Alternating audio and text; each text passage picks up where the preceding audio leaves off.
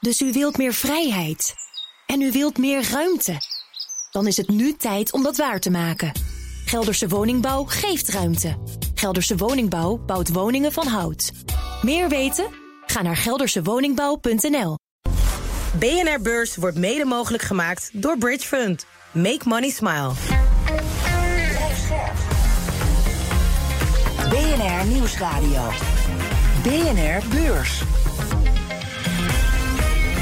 Wesley Weerts, Jelle Maasbach. Hallo daar, goed dat je bij ons bent. De week is doormidden, woensdag 1 november en dus ook een nieuwe handelsmaand. En de dag dat we hoorden dat een financiële crisis is voorkomen. Jawel, UBS heeft dat voor elkaar gekregen door Credit Suisse te kopen, zegt vandaag de Zwitserse Centrale Bank. En de eerste dag van de nieuwe maand begon wat voorzichtig. Daar stond een groot deel van de dag in de min, maar maakte uiteindelijk een draai en sloot een half procent hoger, ruim boven de 722 punten. Basi wint 3,3 procent en doet het daarmee het beste. Ja, en we zetten zwaar geschut in, want we hebben Stan Westerterp van Bond Capital Partners hier in de studio. Stan, welkom. Met jou hebben we het straks over de toekomst van Meta. Want in Europa moet de eigenaar van Instagram en Facebook stoppen met gepersonaliseerde advertenties. Of dat de doodsteek is, dat bespreken we zo. Eerst andere nieuws eh, van jou, Wes. Ja, dan blijven we een beetje in de hoek van de doodsteken en de genadeklappen. Want dachten sommigen een paar jaar geleden nog dat WeWork 47 miljard dollar waard was. En je weet wel, die hippe kantoorverhuurder. Nu wil het bedrijf faillissement aanvragen. Dat moet volgende week al gaan gebeuren, schrijft de Wall Street Journal. Dat is geen verrassing. Nee, helemaal niet, omdat deze zomer al twijfelde WeWork zelf openlijk aan zijn uh, eigen voortbestaan. Veel klanten liepen weg, financieel ging het uh, beroerd. Overigens is dat laatste al veel langer het geval dat het financieel slecht gaat. En eigenlijk al voordat WeWork naar de beurs ging, was er al grote chaos. Want het ene na het andere schandaal uh, ja, kwam naar buiten. Lang verhaal kort, de oprichter Adam Newman die had er een puinhoop van gemaakt, van zijn eigen bedrijf. Ja, hij deed allemaal waardeloze overnames. Hij vloog in luxe privéjets op kosten van de zaak. Ja, en op het dieptepunt van het bedrijf uh, verloor het 200.000 dollar per uur. Even later ging het toch naar de beurs via een omweg. Maar ja, aan dat beursavontuur komt nu dan, naar alle waarschijnlijkheid, een einde. Lang verhaal kort, zei je, maar het was nog best wel een. Ja, maar het is echt een heel groot dossier geweest. Je had het net al over de AX. En uh, ja, ik wilde het daar ook nog even over hebben. De maand oktober ligt nu achter ons. Laten we nog even kort terugblikken. Kort, ja. Met dank aan de collega's van het FD. Kort gezegd, het was geen goede maand. De derde verliesmaand op rij. In oktober gingen 1,4% af. 38 van de grootste 50 aandelen gingen naar beneden. En de midcap die deed het met een verlies van dik 6% nog slechter. En we beginnen elke uitzending altijd met de loser en de winnaar. Hoe is dat als we dat op maandbasis kijken? Alve, maker van laadpalen, had mini-crash, meer dan 26% gedaald. Eindig ik positief met de grootste stijger. En dat is bodemonderzoeker Fugo. Dat won dus vorige maand ruim 7%. Nou, laten we dan ook meteen even de cijfers van twee Nederlandse beursbedrijven erbij pakken. Om te beginnen met Heijmans, want dat raakt zijn nieuwbouwwoningen maar niet kwijt. De bouwer verkocht afgelopen kwartaal 8% minder woningen dan vorig jaar. En één project is zelfs helemaal stilgelegd door gebrek aan interesse. En vooral grote institutionele beleggers, zoals pensioenfondsen, die haken af. En voor die beleggers is het gewoon steeds minder aantrekkelijk om te investeren in nieuwbouw. Komt door de hoge rente, terwijl de kosten stijgen, worden de regels voor verhuurders strenger. Denk aan het invoeren van maximale huren, de extra eisen voor het aantal betaalbare woningen maar ook aan het verhogen van de overdrachtsbelasting. Nou, dan nummer 2, winkelbelegger Wereldhaven kwam ook met cijfers en die gooit de winstverwachting omhoog. En de topman zegt dat het winkelvastgoed van Wereldhaven voor 96% is verhuurd. En dat is best lekker als je bedenkt dat de rente stijgt en het consumentenvertrouwen daalt. Ja, en we hadden natuurlijk ook nog een aantal grote faillissementen. Winkelketen Big Bazaar is failliet. De afgelopen weken verzette Big Bazaar zich op elke mogelijke manier tegen een bankroet, maar het heeft het niet weten te voorkomen. Nou ja, dat merkt ook Wereldhaven, want Big Bazaar was klant bij Wereldhaven. Ik hoorde CEO Matthijs Storm zelfs min of meer zeggen dat dat faillissement hem wel goed uitkomt. Het zorgt namelijk voor hogere huurinkomsten. We hebben inmiddels voor vier van de zes winkels weer een nieuwe huurder gevonden. In alle gevallen gaat de huur omhoog ten opzichte van de oude huur. Dus dan is het ook goed dat die plaats gemaakt wordt door wat slechter performende retailers. Ja, zeker als we die kunnen vervangen door eh, een huurder die meer betaalt. De afgelopen dagen hadden we het heel veel over tegenvallende cijfers van autobouwers. Tesla, maar ook Mercedes, Volkswagen. Nou, niet Toyota. De winst steeg door in het derde kwartaal. Ik moet zeggen, over de eerste negen maanden maanden kwam de winst uit op 8,5 miljard dollar. Veel meer dan verwacht. Ook de omzet steeg. En over de komende periode zijn ze heel optimistisch. Ze denken nog meer te verkopen. De winst zal zelfs met 61% gaan stijgen volgend jaar. En ze zullen nog steeds de grootste automaker van de wereld blijven. En was het dat? Nee, want de aandeelhouders die krijgen wat extra's. Maar ook het personeel. Ze strooien onder meer in de VS met loonsverhogingen. Het slechte nieuws komt ons aangewaaid. De ene na de andere bouwer van windparken en turbines op zee dreigt te verzuipen. Dat zo, maar we beginnen met deze dreun voor Mark Zuckerberg en consorten. Facebook en Instagram mogen in de EU geen gebruik meer maken van gepersonaliseerde advertenties. Die zijn namelijk in strijd met de wet, zegt de Europese koepel van privacy en toezichthouders. Je hoort het goed, Meta mag in Europa niet meer persoonsgericht adverteren... en laat dat nou net hun cashcow zijn. Binnen twee weken moet het bedrijf achter Facebook en Instagram stoppen met advertenties... die gebaseerd zijn op zaken als leeftijd, geslacht of opleiding. Stan, wat betekent dit voor het verdienmodel van Meta? Ja, dat is een, uh, een hard gelachpotentieel natuurlijk voor, uh, voor onze vriend uh, Mark Zuckerberg. Ehm, kijk, je geeft het zelf wel even aan. Ze, ze, hebben een onrechtmatige dataverzameling op basis van leeftijd en opleiding, et cetera. En dat is een doorn in het oog in eerste instantie van Noorwegen. En die, zijn, die hebben de EU zeg maar achter zich weten te scharen. Um, en de EU heeft nu gezegd dat dat moet stoppen. en dat ze een aantal weken daar de tijd voor hebben. Nou, Meta is natuurlijk enorm teleurgesteld daarover. Kijk, het, wil niet zeggen dat ze überhaupt niet meer mogen adverteren, maar niet meer persoonsgericht mogen adverteren. En dat is natuurlijk wel uh, ja, de crux van, uh, of de sterkte eigenlijk van, van dit soort social media bedrijven. Is dat heel veel adverteerders daar graag naartoe gaan, omdat je meteen bij je doelgroep zit. Dus als dat wegvalt, dan zou dat best wel eens een flinke veer kunnen zijn voor een veer kunnen laten voor, voor Facebook. En ze verdienen miljarden in Europa. Dat betekent dat ze, nou ja, meer dan de helft van die inkomsten misschien wel richting de 80, 90 procent gewoon moeten gaan inleveren dan. Dat blijft een beetje het vraagteken. Kijk, het, het, beste is om altijd even te kijken hoe reageert de beurskoers hierop. Want het kwam toch wel redelijk onverwacht. Ondanks dat er al gesprekken werden gevoerd. En die staat in Amerika gewoon een procentje hoger. Ja, ze hebben dus de nieuwsfeed nog niet helemaal uh, ververst volgens mij daar in Amerika. nee, nee dat, dat betekent... Nou ja, ik zag al wel op de Amerikaanse uh, beleggingssites ook dat het is, uh, dat het is geabsorbeerd, zeg maar. Maar nee, dat, dat, dat klopt inderdaad. Alleen, zoals wel vaker bij, bij Meta en bij Facebook... Hè, we hebben natuurlijk vroeger ook dat probleem gehad... rondom de dataverzameling binnen iPhone en iOS. Ja, daar hebben ze achteraf wel een enorme tik van gekregen. Maar op het moment dat dat werd aangekondigd, werd de soep nog niet zo heet gegeten als dat die werd, uh, werd opgediend. Ja, dus ook hier is het gewoon weer uh, ja, ouderwets heel even afwachten wat dit precies gaat, gaat betekenen. Het zou echt niet betekenen dat wij zo meteen op Instagram geen advertenties meer te zien krijgen. Nee. Maar het zou wel betekenen dat je misschien advertenties te zien krijgt van, van, van ja, producten of diensten waar je totaal niet in geïnteresseerd bent. Ja, want 99% van inkomsten die komen uit advertenties dat vang je niet even snel op. Dus komt die schrikreflex dan later van beleggers? Over een paar weken dan? Nou, nou, nogmaals, het gaat over persoonsgericht adverteren. Het wil niet zeggen dat je natuurlijk niet op je eigen platform mag adverteren. Maar het gaat erom dat je dat niet doet met data die je op een onrechtmatige wijze verkregen hebt. Dus je zou je ook kunnen voorstellen dat ze bijvoorbeeld weer toestemming gaan vragen om die data uh, te verzamelen en op basis daarvan te adverteren. Maar ja, als mensen dat, dat, niet doen. Dus, nee, dat is ook gebleken onder andere bij de iOS-update. Dat heel veel mensen zeggen: nee, je hoeft mij niet te tracken. Um, en ja, dat zou dus best wel eens een, een, een, ja, een probleem kunnen zijn voor, uh, voor Facebook in Europa. En, uh, of voor Meta moet ik zeggen. Um, en Europa loopt in die zin ook altijd voorop op de rest van de wereld. Dus stel je voor dat het overwaait naar Azië en naar Amerika. Dan zou dat potentieel best wel eens een probleem kunnen zijn voor, voor Mark Zuckerberg. En ik denk dat dit ook wel een beetje samenhangt met het feit dat ze dat abonnementsmodel natuurlijk in Europa willen gaan lanceren. Dat je niet meer hoeft te betalen voor, uh, ja, voor het zien van advertenties.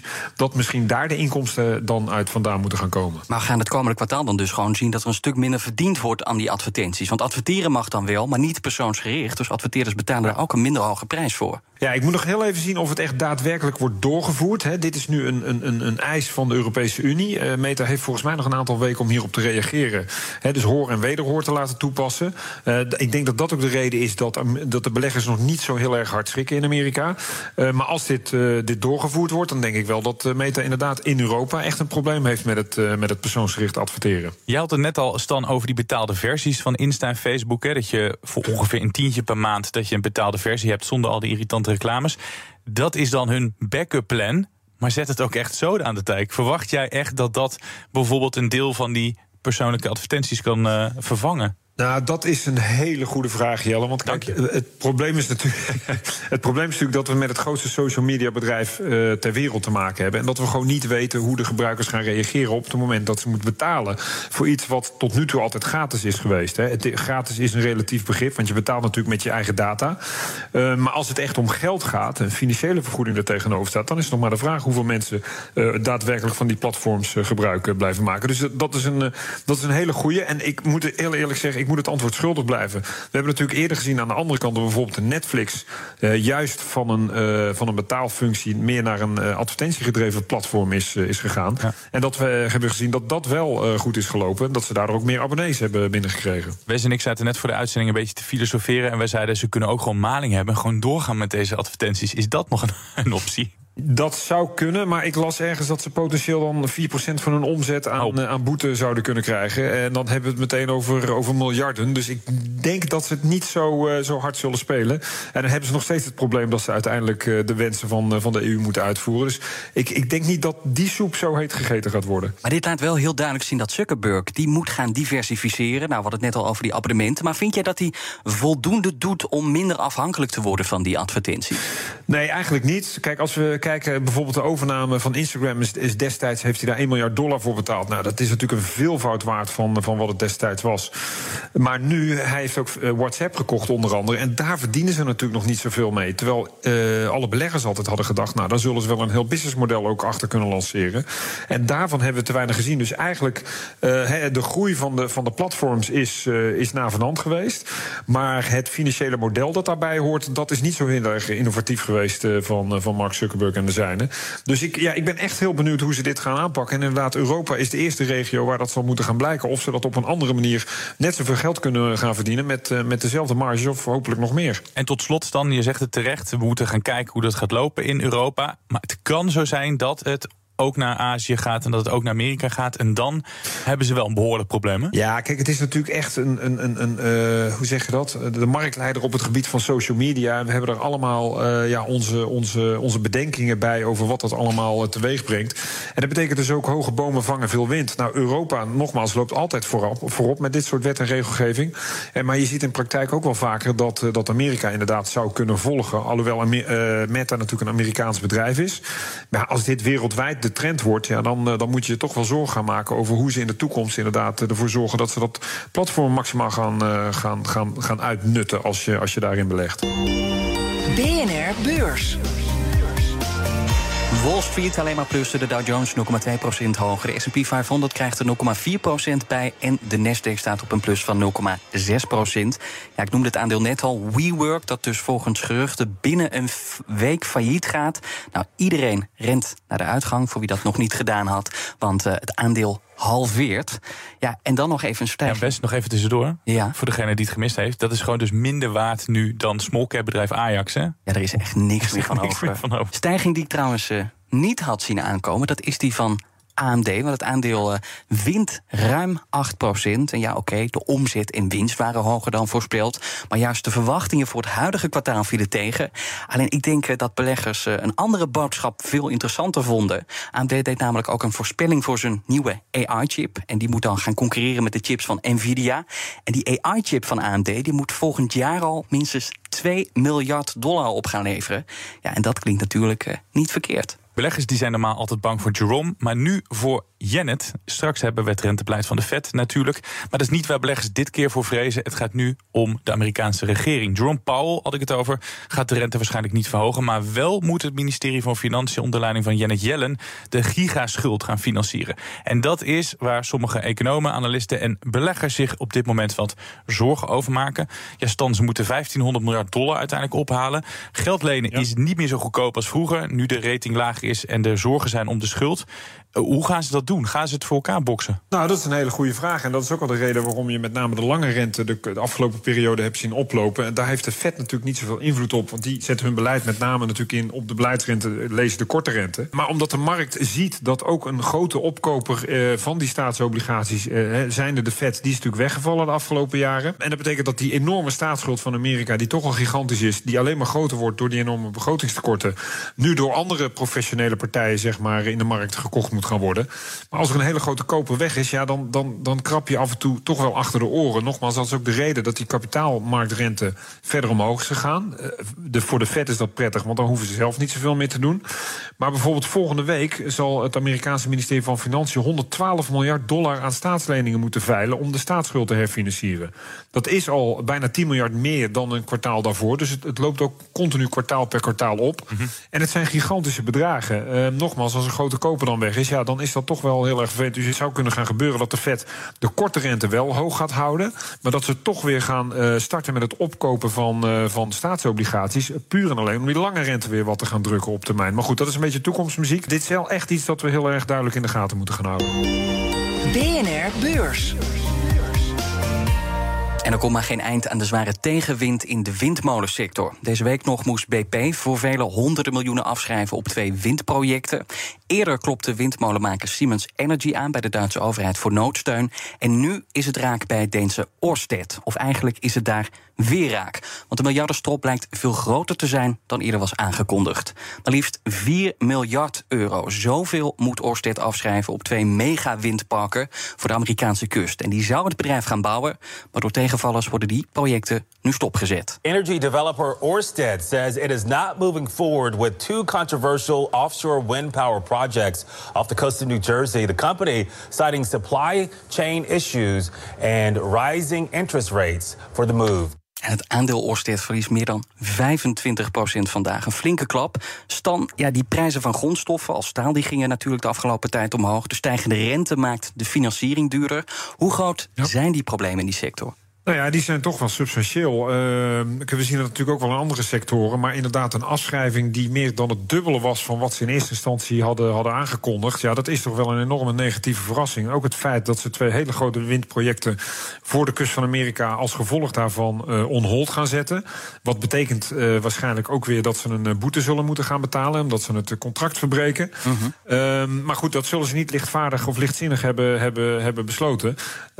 en de, het risico is is dan ook, uh, wat we al eerder bij Siemens natuurlijk zagen, die uh, probeert met de pet langs te gaan. Tenminste, het dochterbedrijf Siemens Energy probeert met de pet langs te gaan bij moederbedrijf en potentieel weer bij de Duitse overheid. Ja is dat bij Orsted ook de verwachting zou kunnen zijn dat het eigen vermogen onvoldoende is om al die, uh, al die projecten zeg maar, uh, uh, in de lucht te houden. dat ze opnieuw geld zouden moeten gaan ophalen. En dat zou betekenen een claimemissie van aandelen. Ja, en daar houden beleggers niet van, want dat betekent dat je verwatert. En dat zet ook de koers 25% lager vandaag. Precies, en wat mij dan opvalt, hè, want Orsted is niet de enige die in de problemen zit. Equinor, BP, die moesten ook al honderden miljoenen afschrijven. En er zijn allemaal windprojecten in Amerika. Maar wat maakt die Amerikaanse situatie nou in het bijzonder zo lastig? Nou, je had het al over de financiering. Hè. We hebben het net al over de Amerikaanse rente gehad. Die is natuurlijk fors toegenomen. Uh, maar dat, dat, heeft ook puur te maken met allerlei wet en regelgeving. Het schijnt best wel complex te zijn om, de, om uh, de, de, ja, ook die subsidies naar je toe te trekken. Daarnaast inderdaad de grondstoffen, de kosten daarvoor, die zijn fors toegenomen. Ook het verschepen daarvan. Dus al met al zijn die projecten toen ze werden aangegaan... of toen de contracten daarvoor werden getekend... Mm -hmm. ja, door de tijd uh, een stuk minder aantrekkelijk geworden. En op een gegeven moment krijg je dan toch de keuze... oké, okay, gaan we door of gaan we niet door? Nou, op dit moment moment is het dus voor Orsted niet interessant om met twee van die hele grote projecten door te gaan. Nee. Dus worden die voorlopig in de ijskast gezet. Ja, dat is wel uh, heel pijnlijk nieuws. Maar ja, voor de duidelijkheid, dit is niet alleen een Amerikaans probleem. Want in Groot-Brittannië, daar werd ook een heel groot windpark uiteindelijk uh, geannuleerd. Als we kijken ja. naar die verschillende spelers die actief zijn op die markt. Je hebt ook nog Vestas, Siemens noemde je net al, Orsted. Um, ja, dus allemaal kunnen ze dus die hoge kosten niet meer terugverdienen. Ze maken allemaal grote verliezen. Maar wie staat er nou het slechtst voor? Nou, het, het grappige is, eh, toen net Jelle zei eh, dat Fugro de grootste stijger was afgelopen eh, maand binnen de Amsterdamse beurs. Dat komt ook voor een deel omdat zij juist heel veel bodemonderzoek doen voor, uh, voor windparken. Een derde van de omzet komt daar vandaan. Vestas is, wordt qua beurskoers in ieder geval tot nu toe nauwelijks geraakt. Dat is de grootste turbinebouwer ter wereld. Uh, maar ja, de jongens die uh, die parken zeg maar uh, moeten, uh, moeten exploiteren, ja, die hebben het zwaar met die hoge rentes. En dat zie je dus ook dat dat de bedrijven zijn, zeker de, de, de pure players, hè, en Orsted met name. dus die niet bijvoorbeeld ook nog in de olie- en de gasindustrie actief zijn. Ja, dat zijn jongens die het op dit moment erg zwaar hebben. Als je dan ook nog eens fors gefinancierd bent, zowel op bedrijfs- als op projectmatig niveau, -huh. ja, en die rente begint op te lopen, dan gaat het echt piepen en kraken. En dan, dan wil je als belegger even niet in dit soort bedrijven zitten. Nee, we hadden het net over het verdienmodel van Meta. Hoe Hoe zit dat hier? Hoe houdbaar of hoe onhoudbaar is het verdienmodel van uh, ja, die, die windmolenbouwers? Ja, dat heeft natuurlijk met heel veel variabelen te maken. Dat heeft met subsidies te maken, dat heeft met financieringslasten te maken, dat heeft met bouwkosten te maken, uh, met, uh, met, met leasecontracten. Ehm, dat heeft te maken met de, met de, de, de prijs per, per kilowattuur die je natuurlijk produceert. Dus dat zijn allemaal bewegende onderdelen. En op het moment dat, die, dat een aantal daarvan, zoals we die net al genoemd hebben, ja, een negatieve kant op bewegen, dan kan het vrij snel oninteressant worden om zo'n project ja, aan te gaan. Laat staan het te continueren. Dus dat moeten we even in de toekomst gaan, gaan bekijken. Maar ik ga er maar vanuit dat er wel meerdere projecten zullen zijn die ehm, ja, zeg maar niet het toetsingscriteria gaan, gaan halen en dus zullen worden afgeblazen. Staan ook bedrijven echt al op omvallen of is het nog niet zo erg? Nou, dat lijkt me een beetje vroeg om dat te concluderen. Kijk, meestal, de, de bedrijven die je net ook noemde, is het een onderdeel van een groter energieconglomeraat. Dus het is nog niet zo dat er echt bedrijven zijn die, die bij wijze van spreken meteen kopje ondergaan. Maar net als bij zo'n Orsted, ja, als je een claimemissie krijgt, dat betekent toch een verwatering. Dat betekent dus toch dat er extra geld opgehaald moet gaan worden. Terwijl de waardering eigenlijk van dat bedrijf helemaal niet zo uh, oninteressant is. Alleen ja, met dit soort, uh, met dit soort nieuws uh, en, en, berichtgeving wil je natuurlijk even afwachten om te kijken hoe dat gaat aflopen. En of, om te kijken of ze de balans goed op orde hebben. En wat is de oplossing dan? Ja, geld erbij, uiteindelijk. Maar je moet ook geld verdiend worden natuurlijk. Ja, absoluut. Kijk, voor dit bedrijf, om de balans te stutten... moet je natuurlijk geld erbij stoppen. Maar uiteindelijk is de oplossing... ja, een lagere rente, goedkopere grondstoffen... minder duur personeel, snellere vergunningen, noem het allemaal maar op. Maar goed, dat zijn nogmaals allemaal bewegende onderdelen. Die moeten wel de goede kant op, op draaien, op bewegen. Dus dat is niet zo 1, 2, 3 te bepalen. Maar om, om in de termen te blijven van, van de sector waar we het over hebben. Als, ze, als ze de wind goed waait, dan, uh, dan kunnen ze ook uh, goed, uh, goed hun marges maken. En dat is in het verleden wel gebleken. Alleen op dit moment hebben ze duidelijk wind tegen. Nieuws dat net binnenkomt van de Financial Times. Investeringsfirma CVC zou dit jaar naar de Amsterdamse beurs gaan. Hè? Ja, heb jij veelvuldig hier verkondigd ook Zeker. Nog. Onder meer eigenaar van parfumerieketen Douglas... en voormalige televisie van Unilever. Maar ze komen toch niet. Ze verplaatsen het naar volgend jaar, meldt dus de FT. Want, uh, ze... Ongunstige marktomstandigheden, ja, precies. Ja. ja. Dus uh, dat feestje gaat weer niet door. Oké, okay, dan uh, naar morgen. De hele week draait de cijfermachine natuurlijk al gesmeerd. En daarvoor heb je één ding nodig: olie. Shell is de laatste in de rij van de grote oliebedrijven die met cijfers komt. Maar dat wordt geen lekkere afsluiter. Analisten verwachten dat de winst met miljarden daalt... vergeleken met dezelfde periode vorig jaar. ING moet laten zien of het opnieuw kan stunten. Bij de vorige kwartaalcijfers verdubbelde de winst en werden alle verwachtingen overtroffen. Maar op hetzelfde moment waarschuwde de topman. Hij maakte zich zorgen om geopolitieke spanningen, hoge inflatie en de economie die kwakkelt. De vraag is of we dat gaan terugzien in de cijfers. Later op de dag komen nog wat grote technamen aan bod. Niet de minste, Booking en als klap op de vuurpijl Apple. Dit was de BNR-beurs van woensdag 1 november... waarin we het hadden over persoonlijke advertenties. Meta ja, is er dol op, verdient er ook bakken met geld mee. Maar de EU verbiedt het ze nu. En ook hadden we het over investeren in wind. Dat uh, blijkt niet uh, bepaald lucratief. En we bespraken natuurlijk veel kwartaalcijfers van Nederlandse bedrijven. Ja, en het ging over die schuldverslaving van de VS. Maar bovenal was het de aflevering waarin Stan zat. Ja, inderdaad. Stan Westerterp van Bond Capital Partners. Dank je wel dat je er was. En wij zijn er morgen weer. Tot morgen. Tot morgen. BNR Beurs wordt mede mogelijk gemaakt door Bridge Fund. Make money smile. Dus u wilt meer vrijheid. En u wilt meer ruimte. Dan is het nu tijd om dat waar te maken. Gelderse Woningbouw geeft ruimte. Gelderse Woningbouw bouwt woningen van hout. Meer weten? Ga naar geldersewoningbouw.nl